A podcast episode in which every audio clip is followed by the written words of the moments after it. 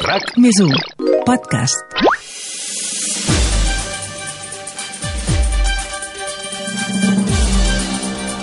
RAC més 1 us ofereix 14F amb Adrià Santa Susanna, la guia pràctica per les eleccions del 14 de febrer amb el suport de la Generalitat de Catalunya. Què tal, com esteu? Habitualment qualifiquem d'odissea una cosa que ens costa molt d'aconseguir o que requereix un esforç molt important. L'Odissea, com sabeu, és una obra del poeta grec Homer, en què el seu protagonista, Ulisses, s'enfronta a una sèrie de peripècies, aventures, desgràcies i esforços per tal d'aconseguir arribar a casa seva, a Ítaca, Tres quarts del mateix és el que els passa als milers de catalans que resideixen a l'estranger quan venen unes eleccions, ja que per poder votar s'enfronten a una sèrie de peripècies, aventures, desgràcies i esforços abans d'aconseguir que el seu vot arribi a casa seva, a l'urna. Si agafem les dades de les últimes eleccions, les del 21 de desembre del 2017, al cens electoral hi constaven poc més de 226.000 persones que vivien a l'exterior. D'aquestes van demanar poder votar 42.000 i d'aquestes 42.000 persones que van demanar votar només ho van fer 27.000, és a dir, un de cada tres catalans residents a l'exterior que volien votar no ho van poder fer.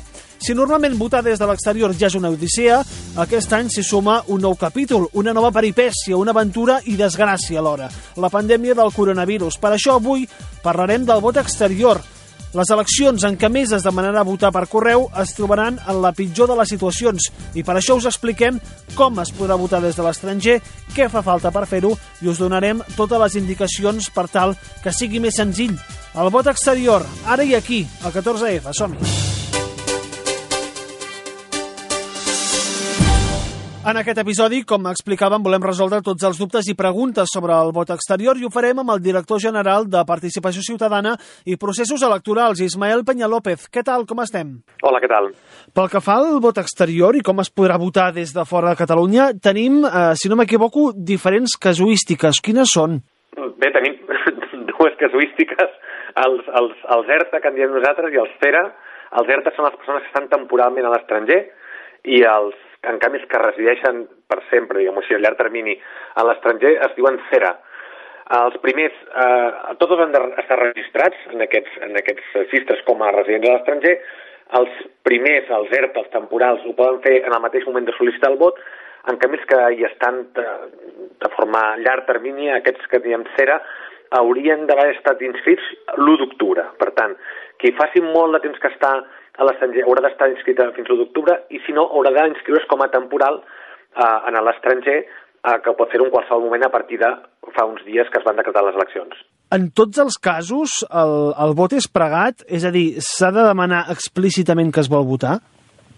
Sí, sí, això és un canvi que va haver-hi a la llei, abans no era així, i, i el, que es va, el que es va modificar va ser precisament això, que encara que un sigui Eh, tingui nacionalitat espanyola i tingui dret a votar a les eleccions catalanes, pel fet d'estar resident a l'estranger ha de demanar el vot.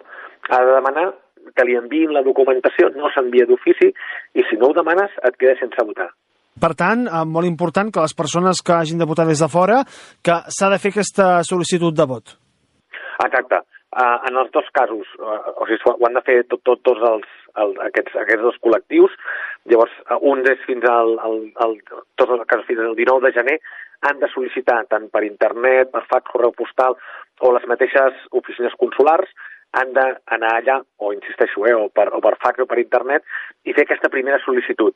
En aquest moment queden registrats com a persones que han pregat el vot, que han demanat poder votar, i se'ls enviarà la documentació a l'adreça on ells hagin dit que estan.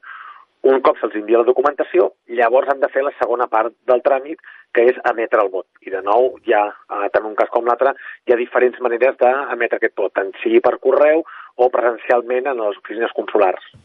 Anem al cas de, dels ERTA, les persones que per alguna raó el 14 de, de febrer estaran fora de Catalunya però que no resideixen a l'estranger. Com podran votar? Les persones que estan, que estan fora de Catalunya han d'anar això, per sol·licitar el vot a les oficines consulars o des del Ministeri d'Afers Exteriors, des dels seus webs, demanar-ho, eh, també hauran de presentar doncs, el DNI, el passaport, etc. I un cop rebin la documentació a casa, eh, hauran de posar, per, eh, dos, han utilitzat dos sobres. Un és el sobre que, diguem, tots fem servir a una urna, que és la papereta amb el sobre normal i corrent, i aquest sobre va dintre un altre sobre, que és el que diu on s'envia i on pertany aquest sobre, perquè encara que estiguin a l'estranger, sí que pertanyen a una demarcació, ja sigui Lleida, Tarragona, Girona o Barcelona, el fet d'estar a l'estranger sí que fa que votin per una d'aquestes quatre províncies i, per tant, una llista diferent. Aquest segon sobre serveix per això, per identificar aquella butlleta, diguem-ho així, a quina urna hauria d'anar.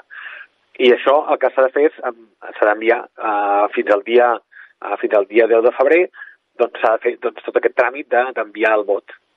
Per tant, per començar, aquestes uh, persones han d'estar inscrites al, al registre i això uh, han d'anar a l'ambaixada o al consulat. Uh, per, per registrar-se han de fer-ho a, a, a l'ambaixada o per internet, s'han de donar d'alta en aquest cens uh, que es diu que es diu ERTA, en aquest registre que es diu ERTA, i un cop això, això se'ls envia la documentació i un cop tenen la, la papereta, poden emetre-la ja sigui doncs, en urna en una oficina, en una oficina consular o per, per, per vot certificat, per correu certificat, perdó. Un cop has enviat aquesta documentació, què t'han d'enviar tu i on t'ho envien? Se'ls envia, per una banda, el certificat d'inscripció al cens, per tant, mm. conforme tu pertanys en aquest cens CERA o ERTA, hi ha les paperetes de les candidatures, com les que tenim a les taules de quan anem a votar en un, en un, en un local electoral, el sobre, per posar-la dintre, aquest altre sobre, on hem de posar el sobre anterior i que ens diu si això ha d'anar a Lleida, Tarragona, Barcelona o Girona, i després doncs, unes instruccions sobre com s'ha de fer tot això. I un cop has rebut eh, tot això i has omplert el, el sobre, etc etc, fins quin dia límit? Has dit el 10 de febrer és el dia límit per poder votar? El 10 de febrer, pel CERTA, exacte. Perfecte, 10 de febrer apuntat per a aquestes persones doncs, que mm, per la causa que sigui doncs, el 14 de febrer estiguin fora, fora de Catalunya. En el cas del CERA, és a dir, de les persones que sí que resideixen habitualment a l'estranger, eh, què han de fer per poder votar? Aquest és relativament semblant, també tenen en aquest cas fins al dia 9 de gener els que estaven inscrits a 1 d'octubre, per tant no s'hi val, en aquest cas sí que no s'hi val a inscriure's en el registre més tard, per tant ara ja no podrien inscriure's. Qui no ho hagi fet ara no és cera a, a termes formals, sinó que és com si fos temporal. Quan ja estàs inscrit, que ho has de comprovar, de nou, per internet o, o per, per FAS, correu postal, es fa aquesta sol·licitud de vot cera. Llavors, per internet et pots descarregar la documentació o descarregar-te-la i enviar-la per fax o correu postal a una sèrie d'adreces per demanar aquest, aquesta documentació, com es fa eh, similarment amb el cas del CERTA. I també de forma similar se'ls envia eh, la mateixa documentació en el seu domicili o a l'adreça que ja hagin dit en aquest cas sí que hi ha uns certificats diferents, unes paperetes, unes paperetes una mica diferents, però en general és un procediment molt semblant. Un full informatiu, totes les paperetes amb el sobre, l'altre sobre gros, on han de posar-ho tot a dintre. Clar, a l'hora de fer la sol·licitud del vot, molta gent ho voldrà fer per internet. És senzill? És, uh, és fàcil fer-ho per internet? Per certificat per internet, perdó, per demanar-ho per, per internet, ens cal uh, o el DNI electrònic o un certificat fort o el sistema clave. El clave o sigui, el, el, el certificat fort i el DNI electrònic, aquests més o menys sabem quins són, el clave és el que fem servir eh, per demanar l'esborrany de la renda. Per tant, és un sistema relativament senzill d'obtenir que no cal, en aquest cas, no cal una presencialitat haver estat eh, en un lloc físic per acreditar-te, com pot ser el DNI o com pot ser el certificat electrònic reconegut de la Fàbrica Nacional de Moneda i Timbre. El clave, el, el, el, gran avantatge que té és que el pots demanar electrònicament i fa una doble comparació doncs, amb algunes dades biomètriques, per les biomètriques, dades personals i un telèfon mòbil i a partir d'aquí pots ja utilitzar-lo. Per tant, ha de ser senzill, és el mateix sistema, com explicava, que, que es fa amb la declaració de la renda, per tant, amb aquest sistema clave tu pots demanar el vot perfectament per, eh, per internet. Exacte. I un cop ho has demanat passa el mateix que abans, entenc. Reps tots els documents a casa. Exacte. Aquí reps alguna documentació més perquè és un procediment una mica diferent, però diguem que per entendre'ns, reps de la paperassa i sobretot el més important és que reps totes les paperetes de totes les formacions polítiques, i llavors has de triar-ne una, posar-la dintre del sobre oficial, que també el reps, i, com hem fet abans, aquest sobre oficial posar-lo dins el sobre gros, que és el que també s'envia a, la, a, la, a la Junta Electoral, que després farà el recompte. I es pot votar presencialment o per correu? Les dues coses. Es pot votar per, es pot votar per correu certificat o es pot votar en qualsevol de les oficines que l'ambaixada o el consulat hagi posat en, a disposició dels, dels ciutadans. En aquest cas, normalment quan tu dius on, on dius hi ha la informació de quins llocs pots votar. Si no, en el web també eh, apareixen totes les adreces a tots els llocs que el Ministeri d'Exteriors posa a disposició dels votants a l'exterior. Parlem de terminis. Quines són les dates límit per poder votar, en el cas del CERA, de les persones que resideixen a l'estranger? Aquí canvia, si, si és en presencialment, eh, pots fer entre el dia 10 i 12 de febrer, tots dos comptes, 10, 11 i 12, i si s'ha per correu certificat, s'ha de fer com a molt tard el 9 de febrer, perquè arribi a temps. Per tant, si es demana per correu fins al 9 de febrer i si es va a una ambaixada o consulat votar presencialment entre el 10 i el 12 de febrer. Hi ha, hi ha un altre cas, que és el, eh, el de les persones que consten en el CERA, és a dir, que són persones que resideixen a l'estranger, però per alguna raó el 14 de febrer seran a Catalunya, no estaran a la seva residència a l'estranger. Eh, com ho poden fer per votar aquest grup de persones? En, en aquest cas eh, és similar al que és el vot per correu que faríem aquí a casa. S'ha de, de fer una sol·licitud a qualsevol oficina de correus, que llavors s'ha de fer arribar a la, a la delegació provincial de l'oficina del centre electoral, s'omple aquesta sol·licitud fins al 4 de febrer. Llavors el que fa l'oficina del centre electoral certifica que aquella persona estava en una llista que era el CERA, que en teoria havia d'estar a l'estranger, la treuen d'aquesta llista, per tant, encara que estiguis a l'estranger resident permanentment, com que visitant el, els teus familiars, et traiem d'aquesta llista i et posem una altra llista que és l'equivalent, diguem-ho així, en el vot per correu. I en aquest cas també és similar al vot per correu, s'ha de fer no més tard del 10 de febrer. Fins al 10 de febrer. Uh, ja per acabar, el, el, vot exterior, durant molts anys, els catalans que resideixen a l'estranger s'han queixat dient que és molt difícil uh, votar. De fet, el 2017, si no m'equivoco, els cens eren més o menys d'unes 226.000 persones, van fer la sol·licitud unes 42.000 i es van acabar comptabilitzant unes 27.000 uh, persones, uh, 27.000 vots. Clar, un de cada tres sol·licituds de vot de ciutadans no es va traduir en un vot efectiu. Per què passa això?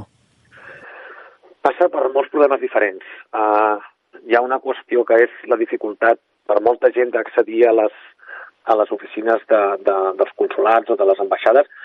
Pensem que un de vegades té la viatge idíl·lica que un està a Estocolm, al centre d'Estocolm, i té l'ambaixada a dos metres. Però a mateix Suècia doncs, té gairebé 4.000 quilòmetres de distància i no és tan fàcil de travessar eh, tota la península, o com pot passar a Canadà, que també tens gairebé 4.000 quilòmetres de, d'avió per poder arribar a l'oficina. Per tant, això demana molts cops molts esforços de, de molts parts dels votants que no viuen a les capitals o prop d'una oficina. Vol dir també a vegades que les, les oficines de correus o els sistemes de correus no funcionen sempre tan bé com voldríem. Hi ha països que funcionen molt bé, però hi ha països per diferents motius, perquè tenen guerres, perquè tenen problemes de comunicacions, per mil motius. Aquell, aquell sistema de correus funciona no tan bé com voldríem. En aquest cas s'afegirà el cas de la Covid, que sabem que hi ha casos eh, que ja ens han avisat algunes ambaixades que tindrien problemes a l'hora d'agilitzar la qüestió de correus perquè no funcionen bé també afegit per la Covid perquè tenen el sistema doncs, col·lapsat com altres del món i després hi ha la qüestió dels terminis, el fet d'haver d'anar dos cops a l'ambaixada, d'haver de d'estar de, registrat, que és una cosa que no tothom té present. El fet d'haver de demanar el vot, que és una qüestió que no tothom té present, cada cop menys, però cada cop però encara hi ha gent que no té present que s'ha de registrar. Tot això, a més, va sumant dies de, de demora, dies de tramesa, fa que en molts casos pràcticament tinguis una finestra molt, molt, molt petita de temps i tot i que tu has fet tot bé, aquell correu potser arriba 3 o 4 dies tard, a vegades no arriba, no? però el gran problema sol ser que no arriba, que no arriba a temps. I llavors tanca l'escrutini final i aquells vots igual arriben una setmana més tard. Això ho solucionaríem sobretot traient el vot pregat, és una de les grans demandes que s'han fet històricament en aquest país pràcticament des de l'endemà de que es canviés la llei. Això ens faria guanyar entre 15 i 40 dies depenent de quan es proclamen les candidatures. En 40 dies hi ha un marge impressionantment enorme per poder fer arribar aquest vot. Comentava vostè ara el tema de, de la pandèmia i com pot afectar això eh, el sistema de correus. Si ja normalment hi ha aquests problemes amb la pandèmia del coronavirus eh, i a més en el moment en què molta gent eh, suposo que haurà que farà la sol·licitud del vot per correu, eh, això no sé si, si pot acabar malament o no. El coronavirus no ajuda gens. Llavors el que estem treballant amb algunes, a, a, a través de les delegacions del govern a l'estranger, del govern català, el que estem fent és treballar amb moltes ambaixades per veure quins llocs hi hauria problemes en correus i què podríem fer. Una de les opcions, per exemple, que s'han posat sobre la taula és en lloc d'optar per correus, optar per missatgeria privada. és molt més car, és veure si podem assumir aquest cost. Segurament el podríem assumir, és el que hem d'acabar de decidir, però és una qüestió doncs, que tenim sobre la taula de veure com podríem fer-ho. L'altra qüestió era endarrerir terminis. El termini de recepció de correu i d'escrutini no l'hem pogut endarrerir. Això es va sol·licitar a la Junta Electoral Central i se'ns va denegar l'opció de que el recompte final, en lloc d'acabar eh, el divendres posterior o el dissabte, el divendres posterior al dissabte a les eleccions poguessin allargar-se tres o quatre dies més, se'ns va dir que no, però en canvi sí que hem aconseguit allargar el termini per enviar el correu en aquests dos dies i alguna sol·licitud. Per tant, són maneres, encara que siguin molt petites, molt tímides, de intentar maximitzar el màxim nombre de correus que podem arribar a rebre. Perfecte, doncs, a Ismael Peñalópez, director general de Participació Ciutadana i Processos Electorals, moltes gràcies per respondre i estarem atents al, al vot exterior en aquestes eleccions. Moltes gràcies a vosaltres. Ha quedat clar que qui vulgui votar és millor que ho faci per correu. I al proper episodi parlarem d'un tema interessant, com es financen els partits polítics. Parlarem de quins diners reben els partits, de si són públics o privats, de per què existeixen subvencions i de si això pot condicionar les polítiques i el programa electoral del govern d'un partit. Si esteu interessats a saber les respostes d'aquestes qüestions, les trobareu aquí, al 14F. Gràcies i salut.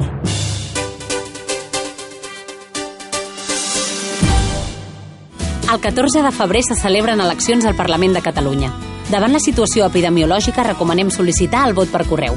Pots fer-ho a qualsevol oficina de correus o entrar al web correus.es amb l'IDCAT certificat, el DNI electrònic o altres certificats reconeguts. Tens temps fins al 4 de febrer.